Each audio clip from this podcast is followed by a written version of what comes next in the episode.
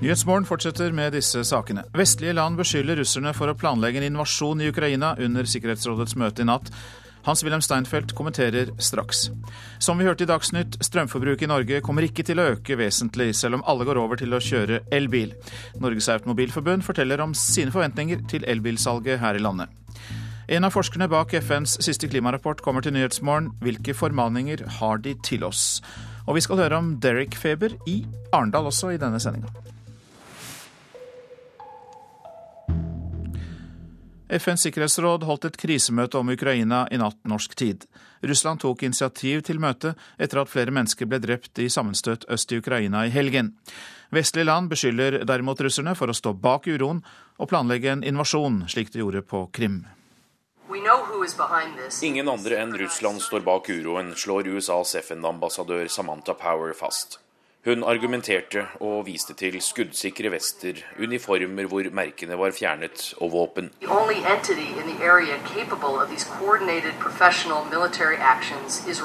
Samtidig sendte Utenriksdepartementet her i Washington ut en punktvis erklæring med det de mener er bevis for at russerne er innblandet.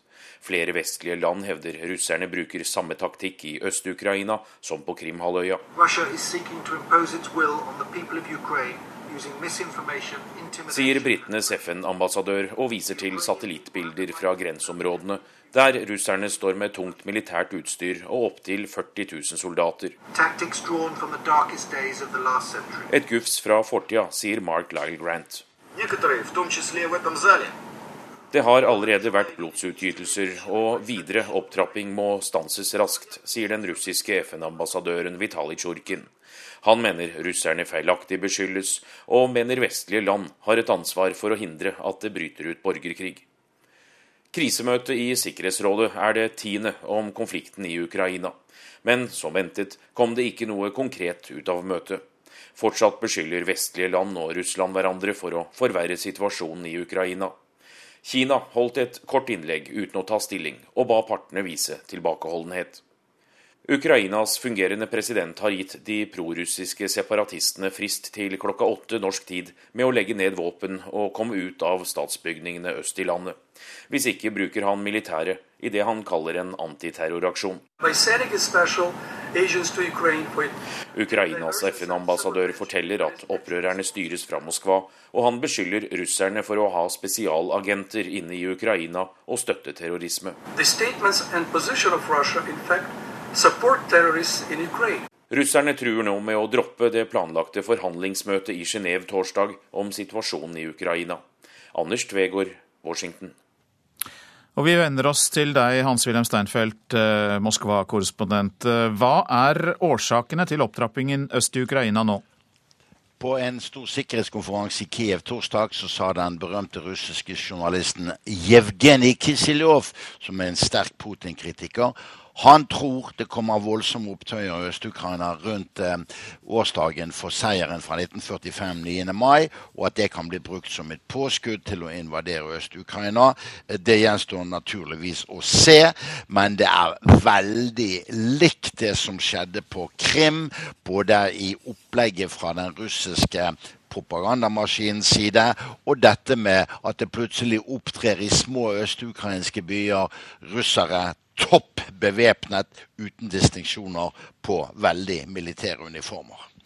Og Ukrainas president, fungerende president må vi legge til, har gitt demonstrantene frist til i dag tidlig med å overgi seg og levere inn våpen. Eh, har det skjedd noe med det?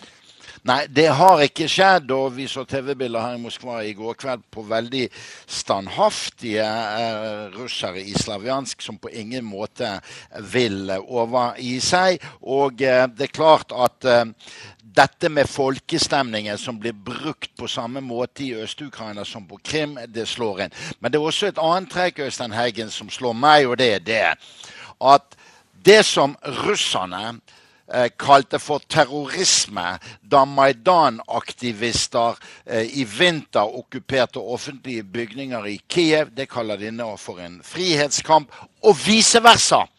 Det samme gjelder den ukrainske siden, så vi er i hvert fall i gang med en verbal propagandakrig mellom eh, Russland og Ukraina, og også en verbal borgerkrig. Hva skal da til for at det verbale kan utvikle seg til noe langt verre, tror du? Ja, dersom dette eh, verste scenarioet med russisk invasjon eh, skulle slå til, så er det jo helt åpenbart at Ukraina nå mobiliserer for å møte russerne med militær motstand. Det har også president eh, Aleksandr Tortsjynov sagt. De kommer ikke til å la russerne ta Øst-Ukraina, slik som ukrainerne fikk ta Krim i februar. Så har vi da de som står utenfor dette, men som frykter hva som kan skje. Altså vestlige land. USA forbereder en fjerde sanksjonsrunde mot Russland. Flere EU-stater er skeptiske. Hva, hva ligger i det konfliktfeltet der? Der, fremfor alt gjelder dette Ungarn og statsminister Viktor Orban, som vant eh, valget nylig. Han er høyreorientert, normalt antirussisk, men veldig redd for å miste russisk gass. Og energisektoren eh, er østeuropeerne veldig avhengig av.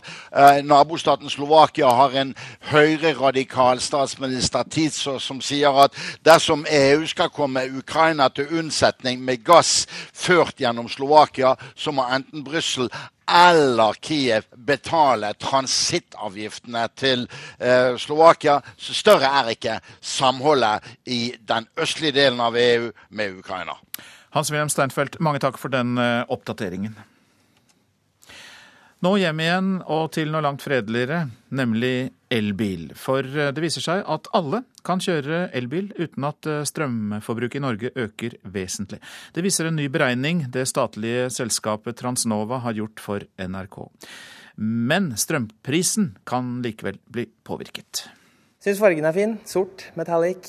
Pål Berge ser på sin nye elbil, som han snart skal få overrakt av selger Ida Hovda. Hun forklarer hvordan den skal lades. To stykker ladere som, eh, blir, eh, som følger med bilen. Eh, her har du da mulighet for vanlig og hurtiglading. Den norske elbilparken vokser hurtig, og har doblet seg det siste året. Men hva ville det få å si for kraftforbruket her i landet, dersom alle gikk over til elbil? Det har Tom Eirik Nørbekk i det statlige organet Transnova regnet på. Altså Dersom alle norske personbilene ble elektriske, så ville det medført et strømforbruk på et sted mellom 6,5 og 7,5 TWh i året. Så når eh, norsk strømproduksjon ligger på omtrent 130 eh, TWh på et eh, år, så blir det sånn omtrent 5-6% av strømproduksjonen. Dersom alle kjørte elbil, ville altså ikke strømforbruket øke mer enn det som er planlagt av ny vindkraft i Norge, viser beregningene fra Transnova. Veien dit er ganske lang, men trenden er kraftig. Når trender tar av, så, så kan ting gå, gå fortere enn man har klart å forutse. For Pål Berge var økonomien i bilholdet det som avgjorde elbilvalget. Jeg bor i Asker og jobber på Lysaker, eh, og da sparer jeg veldig mye tid. Hvis jeg ikke klarer å holde meg til kollektivfeltet der. Og så er jeg jo rett ut av studiene, så jeg eh, syns det er greit å spare litt penger både når det kommer til bensin og bompenger og det som er. Du, Hva med miljøaspektet, da? Den slipper jo ikke ut så mye tull, den her? Nei, Jeg har jo tenkt på det også, og det er jo ikke noe eh, dum ting, det. Men hvis antallet strømdrevne biler får et kraftig oppsving, kan det gi økte strømpriser, sier kommunikasjonsdirektør i kraftbørsen Nordpol, Stina Johansen. Og Strømprisen beregnes som i alle andre markeder ut fra tilbud og etterspørsel. Det vil jo si at en økt etterspørsel kan bety økte priser. Sånn. Da overleverer jeg den uh, nye nøkkelen til den nye bilen. Vær så god. Tusen takk skal du ha. Takk skal du ha. Jeg gleder meg veldig. Det blir deilig. Og denne reportasjen var laget av Lars Håkon Pedersen. God morgen til deg, Ingrid Elisabeth Sagedal. God morgen. Du er kommunikasjonssjef i Norges Automobilforbund, NAF, og det er da interesseorganisasjonen for bilister her i landet, som vi vet. Hvor mange elbiler tror dere det blir solgt i årene som kommer? Det er veldig vanskelig å forutse, men det er en eskalering. Vi ser at eh, nå nærmer vi oss 26 000 elbiler på eh, norske veier. Men det er likevel eh, ganske mange biler på veiene som ikke er elbiler, som er fossile biler. Vi har 2,5 millioner biler, og det er vel en prosent nå da, som er plug-in og elbil. Kanskje vi nærmer oss 1,5% Så jeg skulle tenke at ja, det skjer veldig mye, og det er en god utvikling, men det er langt igjen før vi har en utslippsfri bilpark. Og hva syns dere i NAF om eh, de subsidiene vi fortsatt har eh, for å kjøpe elbil og bruke elbil? Ja, Vi er jo veldig positive til eh, lavere avgifter. Og det at man har brukt disse insentivene for å fremskynde en ny teknologi, det er veldig riktig gjort av norske myndigheter. Vi har støttet det, og vi var veldig glad da vi fikk en viss forutsigbarhet i klimaforliket, slik at dette var ut 2017. Nå er spørsmålet om det holder, for det at vi må sørge for at elbilteknologien blir konkurransedyktig før vi slipper eh, disse fordelene. Og det er klart at De som investerer i en elbil, den nest største investeringen i en husholdning, de løper en viss risiko fremdeles i forhold til annenhåndsverdi og sådan. Så jeg vil absolutt unne de som har kjøpt en elbil, å slippe både um, årsavgift, som det er nesten ikke noe av eh, for en elbileier, og slippe bompenge eh, og bompengebetaling og kunne kjøre i kollektivfelt. Ja, kjører du fossil eller elbil selv? Jo, jeg er så heldig at jeg kjører en eh, ladbar hybrid. Eh, nå er det sånn at jeg kjører miljøvennlig. Det gir meg en veldig god følelse. Og jeg kjører jo da under eh, fem kilometer til og fra jobb daglig, og da kan jeg kjøre elektrisk. Det er en god følelse, det er en behagelig følelse. Det gir mye kjøreglede. Men som plug-in hybrideier så har jeg ingen av disse fordelene som elbileiere har. Og skal vi nå målet om 85 gram CO2 per kilometer innen 2020, 2020, så tror jeg vi må se nærmere på, på disse hybridene, som eh, vil være løsningen for veldig mange nordmenn. Det er kommet på markedet en bil som er blitt veldig populær, som er en SUV. Den dekker alle dine behov, det er ingen stress. Og du kan altså kjøre helt miljøvennlig uten NOx-utslipp og CO2-utslipp i den hverdagsreisen som vi alle har eh, til og fra jobb. Så jeg vil si at eh, norske myndigheter har gjort mye riktig, men man må se på avgiftssystemet for plug-in hybrider, og kanskje også vurdere om man skal gjøre noe i forhold til firmabilbeskatningen, slik at dette vil være et alternativ for eh, flere. Det var ønskelisten fra NAF. Hjertelig takk for at du kom til Nyhetsmorgen, Inger Elisabeth eh, Sagedal. Og dette er Nyhetsmorgen. Klokka den har nettopp passert kvart over sju, og dette er hovedsaker. Vestlige land beskylder russerne for å planlegge en invasjon i Ukraina under Sikkerhetsrådets møte i natt. Situasjonen øst i Ukraina ligner på det vi så på Krim, sa vår Moskva-korrespondent Hans-Wilhelm Steinfeld i Nyhetsmorgen nettopp. Strømforbruket i Norge kommer ikke til å øke vesentlig, selv om alle går over til å kjøre elbil, som vi nettopp hørte. Og I Chile er flere enn 10 000 mennesker evakuert fra havnebyen Valparaiso pga. storbrannen som herjer der. Minst tolv personer har mistet livet. Presidenten frykter at dødstallene kan stige.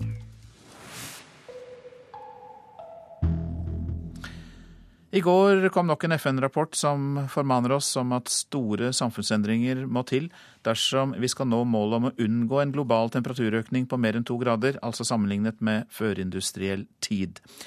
Og professor Edgar Hertwich, du ved NTNU, du er eh, en av de norske hovedforfatterne av denne miljørapporten fra klimapanelet og la fram konklusjonen i Miljødirektoratet i går. Og hva vil du trekke fram som de viktigste endringene? Ja, god. Eh, rapporten vår har jo sett på muligheter til å redusere utslipp av klimagasser fram til 2100. Um, og det som vi har gjort, er å analysere den utviklingen som vi har sett, og prøve å forstå bakgrunnen bak det, og så har vi sett på muligheter til uh, å, å, påvirke den framtidige utviklingen.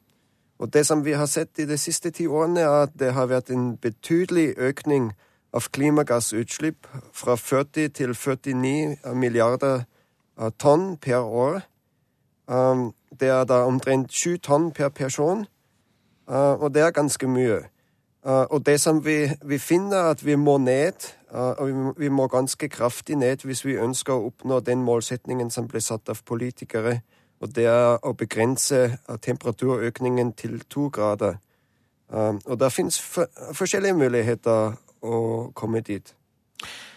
Nå er det jo spørsmålet mange stiller seg om fornybar energi kan erstatte olje og gass i så stor grad at Eh, vi oppnår disse målene? Ja, det, det mener jeg egentlig er en veldig spennende utfordring. Uh, når vi lanserte den siste rapporten i 2007, uh, så var jo solceller noe som du kunne bruke til å lyse opp en hytte. Uh, og du hadde vindkraftverk som var små og ikke så veldig betydelige. I dag så bygger vi store kraftverk for både solenergi og vindenergi. Og hvis vi ser på tallene i 2012, så er ny kapasitet som ble installert av fornybar kraft, omtrent like stor som ny kapasitet av fossil energi. Og det betyr jo egentlig at vi allerede har den produksjonskapasiteten til å produsere fornybare kraftverk som vi trenger um, til å innføre dem på stor skala. Da hører jeg både en varsling og formaning fra deg på den ene siden, og eh, det siste du sier her, en smule optimisme. Men er mm. politikerne i stand til å følge dette opp? Nei, jeg syns det, det, blir veldig spennende. Det blir en del uh, virkemidler som blir satt i bruk uh, i de siste årene. Uh, så det er faktisk mye klimapolitikk som har kommet. Og det som har fungert bra, var støtten til fornybar energi og det som har fungert, fungert dårlig, er faktisk begrensninger på fossil energibruk. Og hva kan du og jeg gjøre, Hertvig? Nei, det første er jo å påvirke politikerne og prøve å få dem å, å redusere støtte til fossil energi og prøve å, å øke prisen på fossil energi. Uh, og det andre er uh, ting som vi kan gjøre sjøl, ikke sant, i egen forbruk og egen husholdning. Og der fins en rekke ting som vi kan gjøre. Vi vet jo at det er mye av utslipp som er knyttet til transport, spesielt til bil og fly. At det er en del utslipp som er knyttet til matforbruk, matkonsum, og da spesielt til kjøtt og rødkjøtt. Og så er det ganske mye utslipp som er knyttet til innkjøp av varer. Mange takk for at du var med oss fra studio i Trondheim, professor Edgar Hertvig eh, ved NTNU.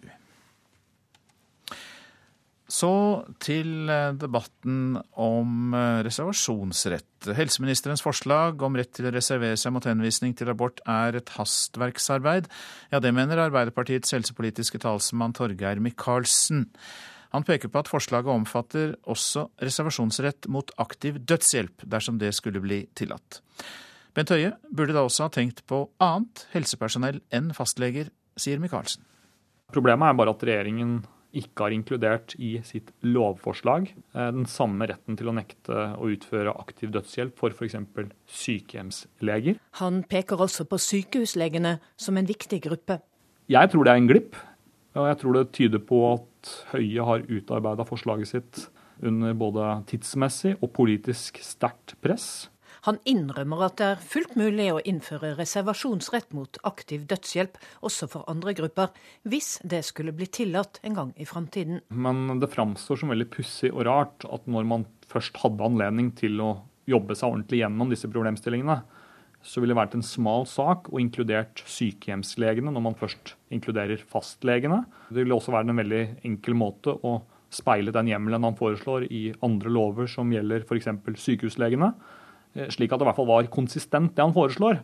Dette er bare et nytt utspill fra Arbeiderpartiet for å prøve å holde i gang en debatt om reservasjonsmuligheten, men har ingenting med realiteten å gjøre. Svarer helseminister Bent Høie. For forslaget handler om fastlegenes mulighet til å reservere seg. Da er det naturlig at den hjemmelen òg omfatter aktiv dødshjelp, siden dette skal handle om grunnleggende etisk spørsmål om liv og død.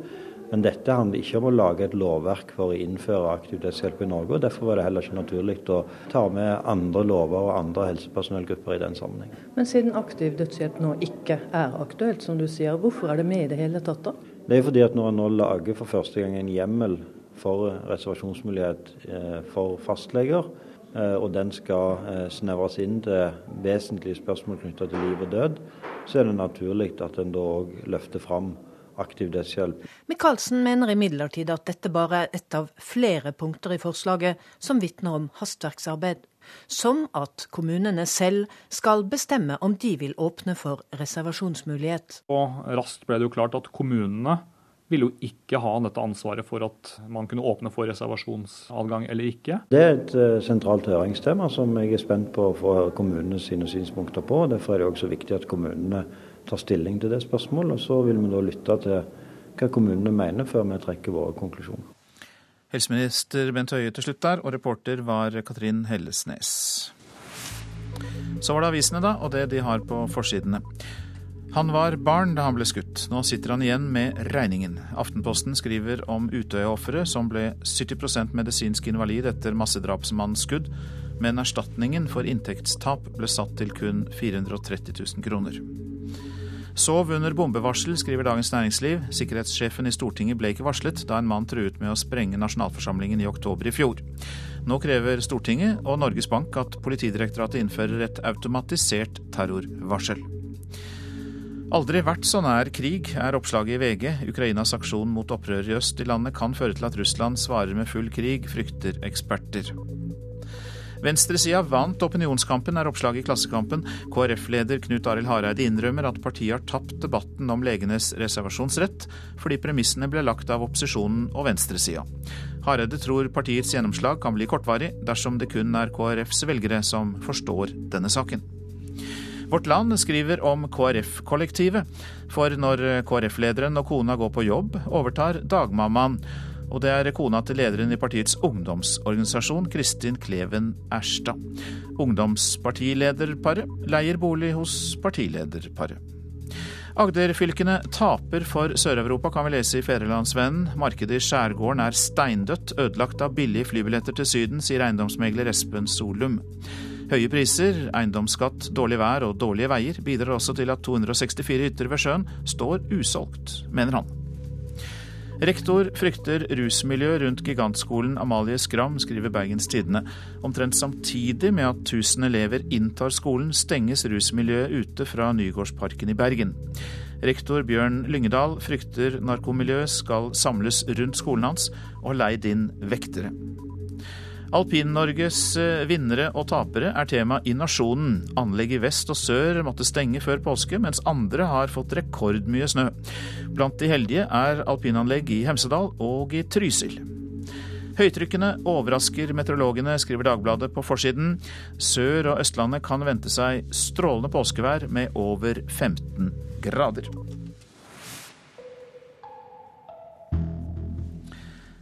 En mann ved navn Fritz Wepper skapte oppstuss utenfor Arendal kino lørdag. Hvem er det, spør du kanskje. Men han er bedre kjent her i landet som Harry Klein i krimserien Derrick. Wepper kom til Norge for å kaste glans over den norske kortfilmen Gamle venner, som ble spilt inn på Tromøy i fjor.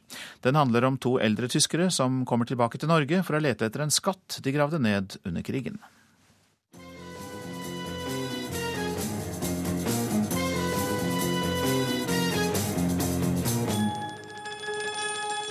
Den Derrick-serien var det kanskje noe av de beste kriminalseriene som vi har hatt. Det er ikke hver dag en gammel detektivhelt kommer til Arendal. Og det vet også byens ordfører Einar Halvorsund å sette pris på. Sånne ting imponerer meg, at man klarer, og at han er villig til å stille opp i Arendal. Jeg har jo registrert dette, at han har en viss forhold til Norge og til Sørlandet fra tidligere. Og endelig kommer han til den røde løperen, frakta i en mintgrønn trabant. Hello, 72 år gamle Fritz Wepper, kjent for de fleste som Harry Klein i tidenes mest populære og eksporterte tyske kriminalserie, Derrick, spiller i den lokalproduserte kortfilmen 'Gamle venner', sammen med Ingar Helge Gimle, Knut Valle og Frida Ferd. Den muntre kortfilmen handler om to eldre tyske menn, spilt av Wepper og Valle, som tjenestegjorde i Norge under krigen. 45 år etter kommer de tilbake til HV for å leite etter en nedgravd hemmelighet. Men da er stedet blitt en campingplass, og sjefen, spilt av Gimle, er ikke glad i tyskere. Jeg snakker bare litt norsk. Um, hva er kostnaden mann? 100 kroner. 200 kroner. Når jeg fikk den telefonen fra Sverre om at jeg skulle spille med Fritz Wepper, han var jo også min helt. Sier Gimle. Fra, han var liksom det pene alibiet i heter den kjekke som vi liksom identifiserte oss med han litt unge, pene mannen. da. Og at han var så hyggelig i virkeligheten som vi alltid har trodd han var. da. Han er jo et oppkom av historier. og han, vi var akkurat som vi hadde kjent ham i 50 år når vi møtte hverandre. Så for meg var det en stor opplevelse å møte han.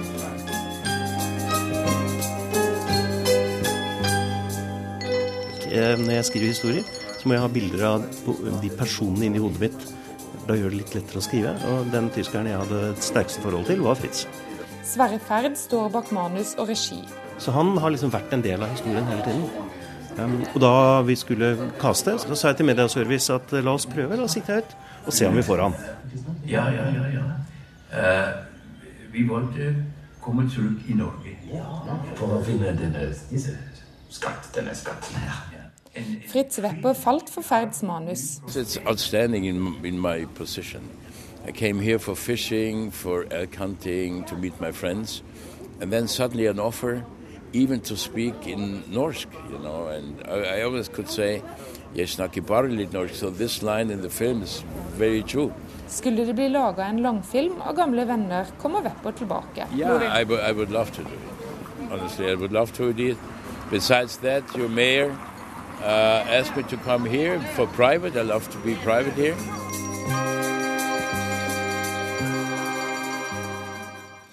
Og denne kortfilmen er solgt til NRK. Den skal også konkurrere under kortfilmfestivalen i Grimstad. Reporter i Arendal var Miriam Grov. Ja, Du lytter til Nyhetsmorgen. I reportasjen etter Dagsnytt kan du høre fra paradisøya rikfolk drar til for å komme unna volden i Venezuela. I Politisk kvarter er det duket for rovdyrdebatt. Prosent for Nyhetsmorgen er Tonje Grimstad. Her i studio Øystein Heggen. Og vi minner om nettstedet radio.nrk.no, der det er massevis av radio å lytte til.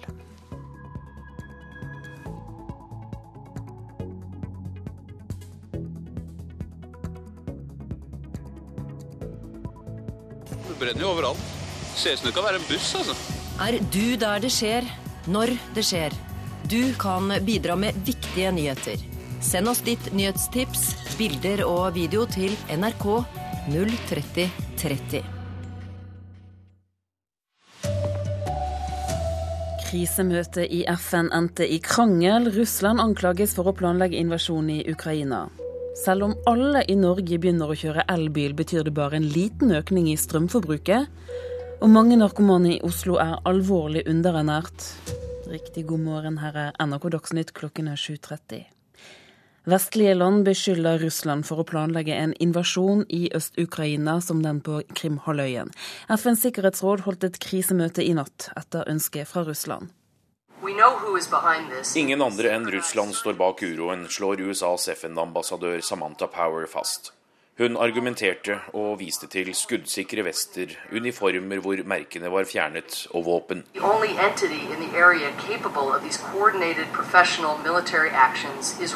Samtidig sendte Utenriksdepartementet her i Washington ut en punktvis erklæring med det de mener er bevis for at russerne er innblandet.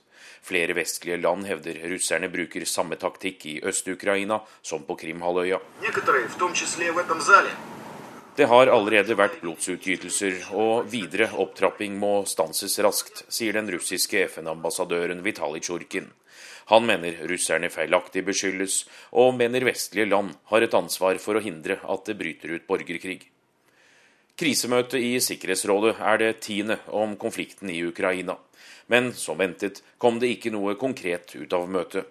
Fortsatt beskylder vestlige land og Russland hverandre for å forverre situasjonen i Ukraina. Anders Tvegård, Washington.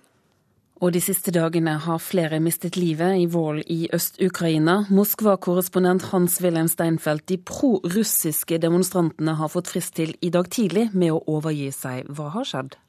Ja, de har ikke overgitt seg. og eh, I går kveld viste de føderale TV-kanalene her i Moskva veldig eh, intense eh, etniske russere i Øst-Ukraina som vil fortsette kampen. De er også svært godt bevæpnet. Og eh, det er klart at eh, med spor fra Krim så er det jo litt mistenkelig når det plutselig opptrer vel bevæpnede, utstyrte, anonyme hærstyrker i små østukrainske byer, når vi vet at russerne har 40 000 mann stående øst for grensen. Og nå sier Russland at Vesten må hindre borgerkrig. Hvordan vurderes faren for en krig? Ja, der er en veldig berømt Putin-kritisk journalist i Kiev som er russer og heter Jevgenij Kiselov. Han tror at det kan komme en russisk invasjon i forlengelsen av 9. mai-årsdagen for seieren over nazismen. Jeg tror ikke det, men her er det snakk om tro og ikke viten. Fordi Ukraina mobiliserer, Ukraina kommer til å kjempe. Det sier også fungerende president Torchinov. Vi kommer ikke, sier han, til å la russerne ta Øst-Ukraina like lett som de fikk ta Krim. Og russerne vet vet at en krig med 32 millioner ukrainere ikke er noen spøk. På samme måte som russerne for 33 år siden ikke torde å invadere Polen på 35 millioner da det sto strid om sosialisme og solidaritet, men nøyde seg med å presse polakkene politisk, som Ukraina nå presses. Moskva-korrespondent Hans-Wilhelm Steinfeld, takk skal du ha. Verden bruker mindre penger på våpen og soldater for andre året på rad, Hovedårsaken er kutt som USA har gjort, ifølge Fredsforskningsinstituttet i Stockholm. Tilbaketrekkingen fra Afghanistan og Irak, i tillegg til budsjettkutt, har bidratt til at USAs militære utgifter minker. Land som vanligvis har de høyeste militære utgiftene, som Kina, Russland og Saudi-Arabia, har økt sitt pengebruk på militæret, opplyser instituttet. Strømforbruket i Norge kommer ikke til å øke mye selv om alle går over til å kjøre elbil, viser en fersk beregning det statlige selskapet Transnova har gjort for NRK. Antall elbiler ventes å doble seg i år, til 40 000 biler. Jeg gleder meg veldig. Det blir deilig. Pål Berge skal få overlevert sin aller første bil, og valget har falt på en elbil. Jeg bor i Asker og jobber på Lysaker, og da sparer jeg veldig mye tid hvis jeg ikke klarer å holde meg til kollektivfeltet der. Men hva om alle gjør som Pål og velger bil som går på strøm? Vil kraftnettet knele når alt skal lades? Tom Eirik Nørbekk er seniorrådgiver i Transnova, det statlige organet for reduserte utslipp fra transportsektoren. Altså dersom alle norske personbilene ble elektriske, så ville det medført et strømforbruk på et sted mellom 6,5 og 7,5 TWh i året sånn omtrent 5-6% av eh, strømproduksjonen. Altså bare en liten økning av strømforbruket selv om alle kjørte elbil. Og det er et stykke dit. Men eh, antallet elbiler er kraftig økende og kan ta av enda mer enn i dag, tror Nørbekk. Når trender tar av, så, så kan ting gå, gå fortere enn man har klart å forutse. Så er det jo da to stykker ladere. Bilselger Ida Hovda forklarer Pål hvordan den nye elbilen lades. Og kraftprisen kan påvirkes av en elbilbølge, sier kommunikasjonsdirektør i kraftbørsen Nordpol, Stina Johansen. Strømprisen beregnes som i alle andre markeder ut fra tilbud og etterspørsel. Det vil jo si at en økt etterspørsel kan bety økte priser. Syns fargen er fin. Sort, metallic. Reporter, det var Lars Håkon Pedersen. Helseministerens forslag om reservasjonsrett mot å henvise til abort er hastverksarbeid, mener Arbeiderpartiets helsepolitiske talsmann Torgeir Micaelsen. Forslaget omfatter også reservasjonsrett mot aktiv dødshjelp, dersom det skulle bli tillatt, men bare for fastlegene. Problemet er bare at regjeringen ikke har inkludert i sitt lovforslag eh, den samme retten til å nekte å utføre aktiv dødshjelp for f.eks. sykehjemsleger. Han peker også på sykehuslegene som en viktig gruppe. Jeg tror det er en glipp, og jeg tror det tyder på at Høie har utarbeida forslaget sitt under både tidsmessig og politisk sterkt press. Dette er bare et nytt utspill fra Arbeiderpartiet for å prøve å holde i gang en debatt om reservasjonsmuligheten, men har ingenting med realiteten å gjøre. Svarer helseminister Bent Høie for forslaget handler om reservasjonsrett for fastlegene. Da er det naturlig at den hjemmelen òg omfatter aktiv dødshjelp, siden dette skal handle om grunnleggende etisk spørsmål om liv og død. Men dette handler ikke om å lage et lovverk for å innføre aktiv dødshjelp i Norge. og Derfor var det heller ikke naturlig å ta med andre lover og andre helsepersonellgrupper i den sammenheng. Michaelsen mener imidlertid at dette bare er ett av flere punkter i forslaget som vitner om hastverksarbeid som at kommunene selv skal bestemme om de vil åpne for reservasjonsmulighet. Raskt ble det jo klart at kommunene vil jo ikke ha dette ansvaret. Dette kan kommunene gi innspill om i høringen, sier helseministeren. Så vil vi da lytte til hva kommunene mener, før vi trekker våre konklusjoner. Reporter Katrin Hellesnes. I Det indiske hav er det oppdaget et oljeflak i området der det pågår leting etter det savnede malaysiske flyet. Det opplyser den australske ledelsen for leteaksjonen. En miniubåt skal nå settes inn i letingen så raskt som mulig. Det er også hørt signaler i området som kan stamme fra flyets datautstyr. Mange narkomane i Oslo kan gå flere dager uten å spise, viser en ny ernæringsrapport. Mat med mye sukker og lite næringsstoffer er også et gjennomgående problem, og bidrar sterkt til gatenarkomanes dårlige helse. Jeg liker Oslo. Ha en fin dag. 41 år gamle Morten Passerud står på Majorstua med en bunke er lik Oslo under armen. Snart er det tid for lunsj. Det syns jeg er veldig godt. Det er veldig sunt. Det anbefaler jeg til mange andre òg. Spis sushi, for det er godt. Men ikke alle narkomane i Oslo spiser som Morten. Ifølge en fersk doktorgradsavhandling er svært mange av hovedstadens gatenarkomane alvorlig underernært. Vi har kommet fram til at det står ganske dårlig til med ernæringstilstanden hos rusmisbrukere. Det sier kvinnen bak avhandlingen, Mone Seland, klinisk ernæringsfysiolog ved Høgskolen i Oslo og Akershus. I en årrekke har hun og hennes medarbeidere forsket på kosthold og ernæring blant 195 tunge narkomane i Oslo. De mangler vitaminer og mineraler, og i det hele tatt er de magre og ganske dårlig form pga. dårlig mat. Nesten ingen av deltakerne i undersøkelsen oppnådde anbefalt inntak av de viktigste næringsstoffene. Seland mener at ernæring spiller en rolle med tanke på å tåle de påkjenningene livet som rusavhengig medfører. Det første som svekkes ved underernæring, det er immunforsvaret. Og rusmisbrukere har jo nesten alle sammen infeksjoner, kroniske og eller akutte. Tilbake på Majorstua. Narkomane Morten Passerud kjenner seg også igjen i mange av funnene i undersøkelsen. Jeg er veldig glad i sukker. Heroin gjør sånn at eh, det sukkerbehovet vårt blir eh, ekstra sterkt. Reporter her var Anette Holt Hansen. Skiløperen som var savnet på Finse på Hardangervidda er nå funnet i god behold. Mannen i 40-årene hadde tatt seg inn i en hytte, opplyser Hordaland politidistrikt. Både skutere og helikoptre var satt inn i letingen. Ansvarlig for Dagsnytt denne morgenen, det er Arne Forsland. Det tekniske ansvaret har Frode Thorshaug. Her i studio, Turi Grønbekk.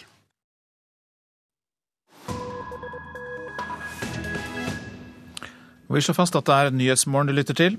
I Venezuela har 39 mennesker mistet livet i demonstrasjoner de to siste månedene. Demonstrantene har bl.a. gjort opprør mot den økende kriminaliteten i landet. Men en bitte liten flytur unna det voldsherjede fastlandet ligger paradisøyene Los Roges, der rike venezuelanere reiser for å få et friminutt fra kriminaliteten. Kollega Guri Nordstrøm har besøkt øygruppa.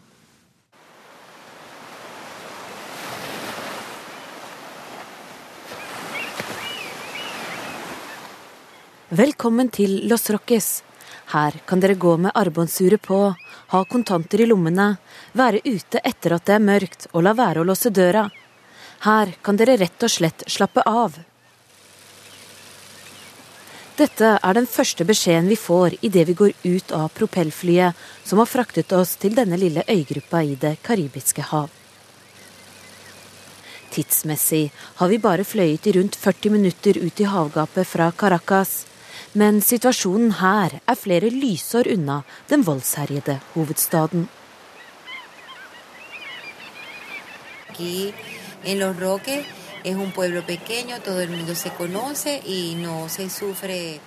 Los Roques er som en liten landsby. Alle kjenner hverandre, forteller Susanna Margarita Padron til NRK.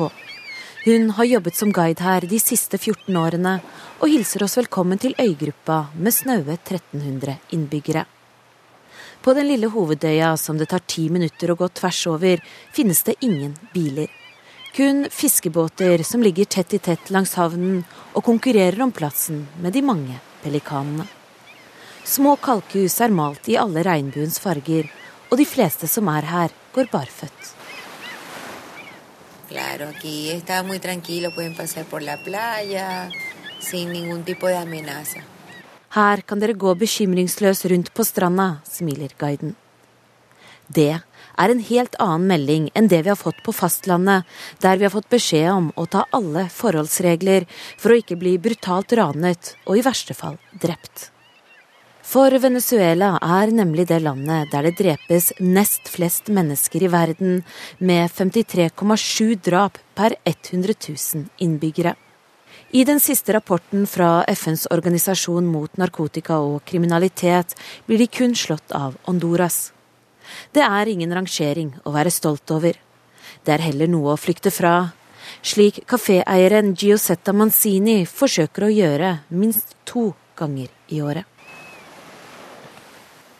Aquí yo llego sin zapato, camino por el pueblo y y, y, me ilusiono de vivir en un país seguro, pues. Her kan jeg gå barføtt og late som jeg bor i et fredelig land, sier hun.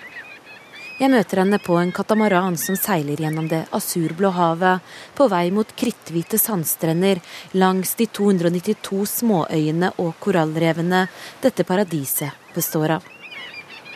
Yo digo siempre que eh, eh, Venezuela se salva por la naturaleza, porque es muy grata, la naturaleza es muy bella, y por más que el hombre trate de destruir todo aquí, la política destruye todo. Jeg sier alltid at Venezuela redder seg med naturen, for naturen her er fantastisk vakker.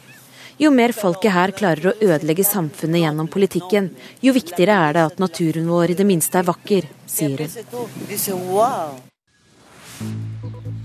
Dette er Nyhetsmorgen, og dette er hovedsaker i dag. Vestlige land beskylder russerne for å planlegge en invasjon i Ukraina. Det skjedde under Sikkerhetsrådets møte i natt. Ukraina og Russland anklaget hverandre for terrorisme under dette krisemøtet. Strømforbruket i Norge kommer ikke til å øke vesentlig, selv om alle går over til å kjøre elbil. Det viser en ny beregning fra det statlige selskapet Transnova. Mange narkomane i Oslo kan gå flere dager uten å spise, viser en ny ernæringsrapport. Mat med mye sukker og lite næringsstoffer bidrar også til at de gatenarkomane får dårligere helse. I Chile er flere enn 10 000 mennesker evakuert fra havnebyen Valparaiso pga. storbrannen som herjer der. Minst tolv personer har mistet livet. Presidenten i Chile frykter at dødstallene kan stige. Og så Politisk kvarter.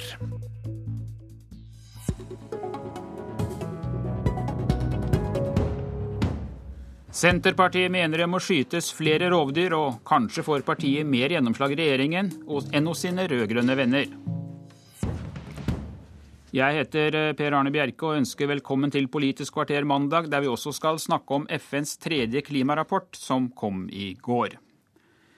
Senterpartiet ber regjeringen følge opp rovdyrforliket og vil bl.a. ha utvidet jakt på bjørn og jerv.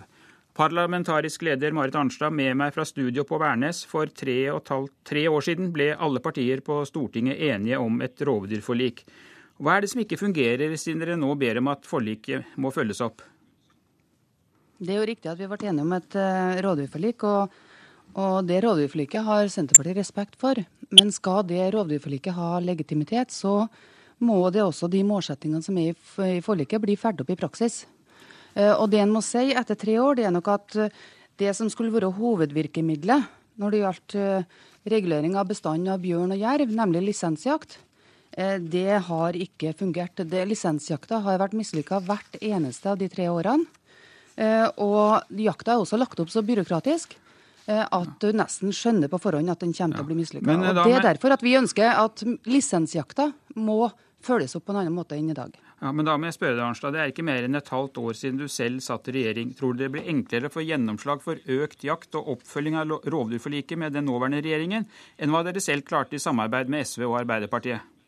Jeg tror det blir enklere fordi Miljødirektoratet i høst, etter lisensjakta var gjennomført på bjørn, også erkjenner at den jakta var mislykka. Eh, når du setter en kvote på 18 bjørn og så feller to, så sier også Miljødirektoratet sjøl at det er såpass lite at de vurderer ekstraordinære uttak nå til våren. Eh, og Det betyr at når også fagmyndigheten sier at lisensjakta ikke fungerer, så mener vi at det burde være mulig å diskutere det med de politiske partiene på Stortinget. Eh, Oskar Grimstad, miljøpolitisk talsmann i Fremskrittspartiet på påskeferie på Kanariøyene, men med oss på telefonen her i Politisk kvarter. Kan Senterpartiet regne med støtte fra dere når partiet nå ber om at rovdyrforliket følges opp og at jakten på rovdyr utvides? Ja, Det som er et faktisk forhold, er det at uh, den borgerlige regjeringa som nå sitter, vi, vi uh, går igjennom nå og ser på de erfaringene vi har fra ordinær lisensjakt. Fra, fra den jakta som skal ta ut det antallet som, som blir bestemt.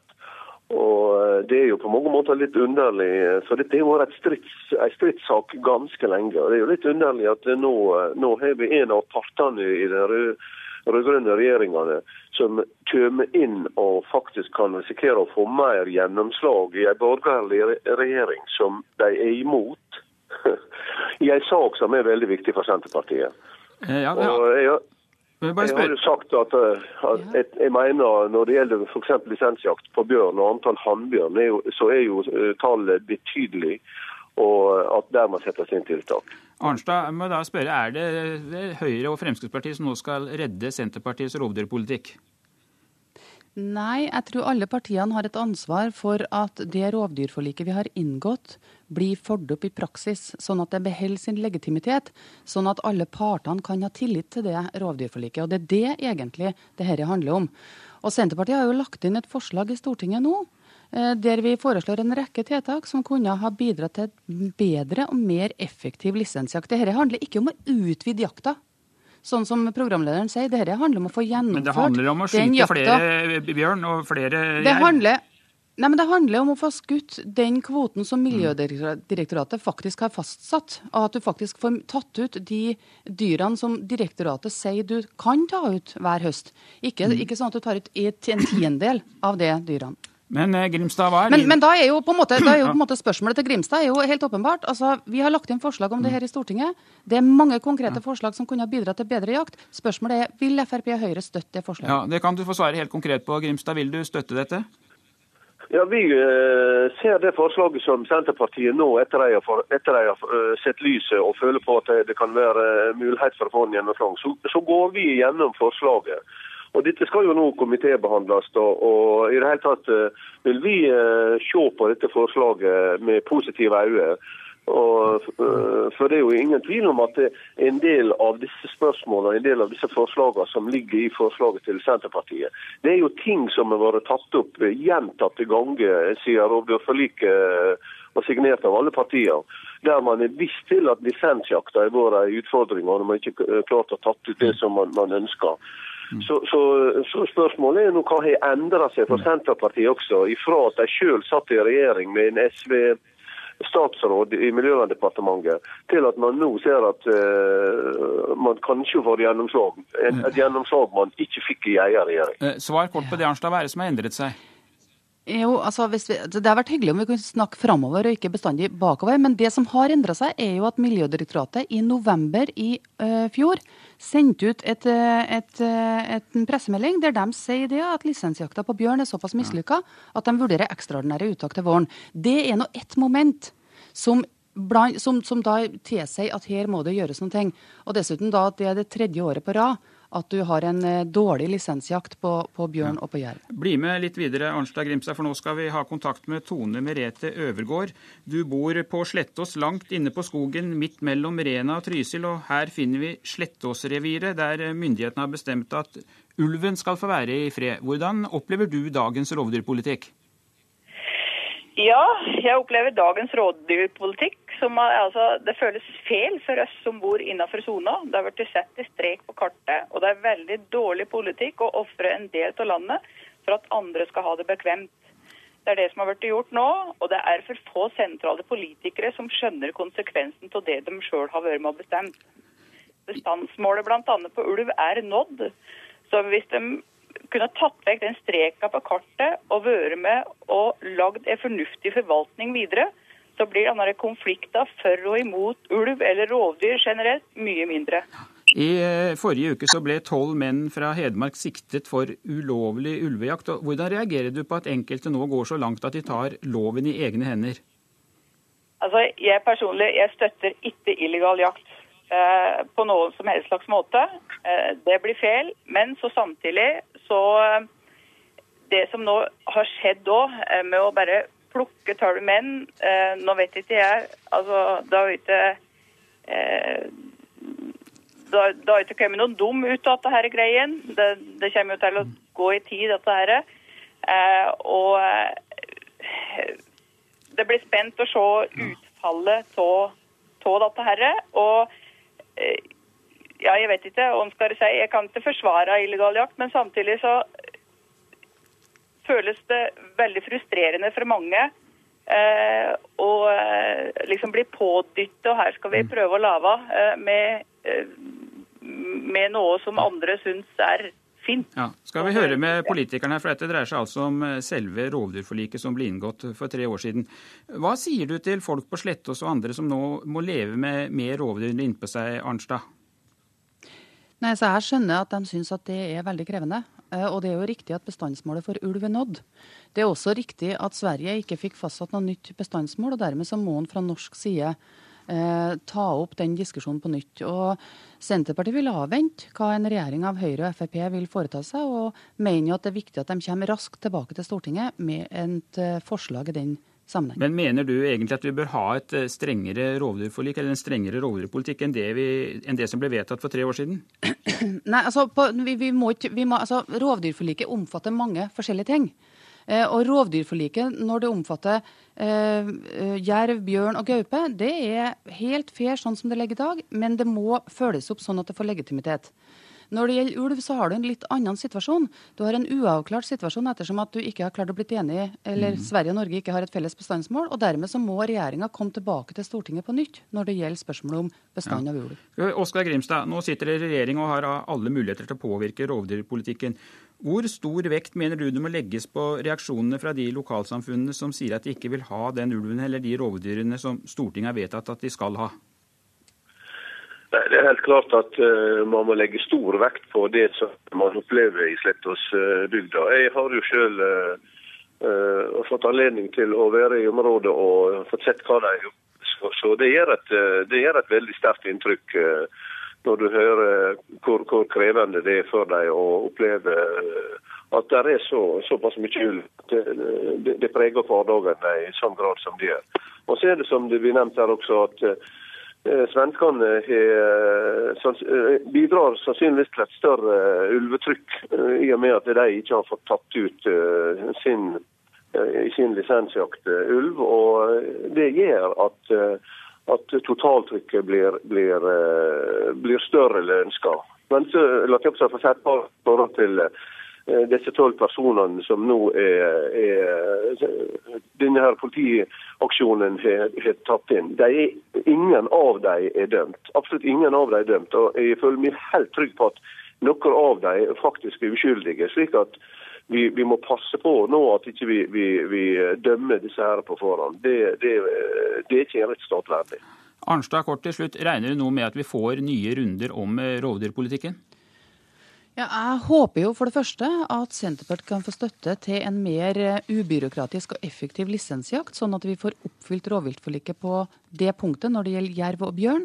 Og så må jo regjeringa komme tilbake til Stortinget med en ny diskusjon om hva som eh, bør være eh, bestandsmål når det gjelder ulv. Og der er det klart at det legger an til en ny og mer bredere diskusjon enn det det gjør på de andre områdene. Takk skal dere ha, Marit Arnstad og Oskar Grimstad.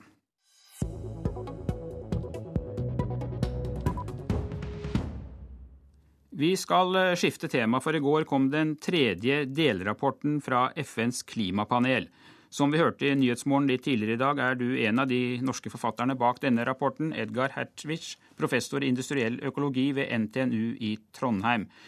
Det er jo ganske dramatiske konklusjoner dere kommer med. Hva bør beslutningstakerne, altså politikerne, gjøre? God morgen. Ja, det er på tide at beslutningstakere våker opp og, og, ser på at problemet faktisk er utslipp av CO2 fra fossil energi, og at det gjøres noe for å begrense bruk av fossil energi. Ja, Du sier at politikerne må våkne opp. Mener du at de har sovet, at de ikke har tatt det nok på alvor, alle de nokså dramatiske rapportene som er kommet fra dere? Nei, jeg mener faktisk at det har skjedd mye politisk. Det er en ganske rekke tiltak som har blitt tatt, satt i gang. Det er mange virkemidler som har blitt testet ut, f.eks. regler og forskrifter for økt uh, energieffektivisering av utstyr, uh, byggeforskrifter som reduserer energibruk til bygninger, så har det kommet en del støtte til, fossil, til fornybar energi. Men det som vi har ikke lykkes med, er faktisk å redusere støtten til fossil energi. Så det er fortsatt mange land som har subsidier for bruk av fossil energi. Det fins andre former for støtte for fossil energi. Ja. Så det er der støtet må gå. Nå er jo Norge et av de land som da produserer veldig mye fossil energi. Eh, hvilke konsekvenser bør eh, denne rapporten som kom nå få for eh, norsk oljepolitikk, syns du? Nei, det, det har vi ikke, omtalt i rapporten.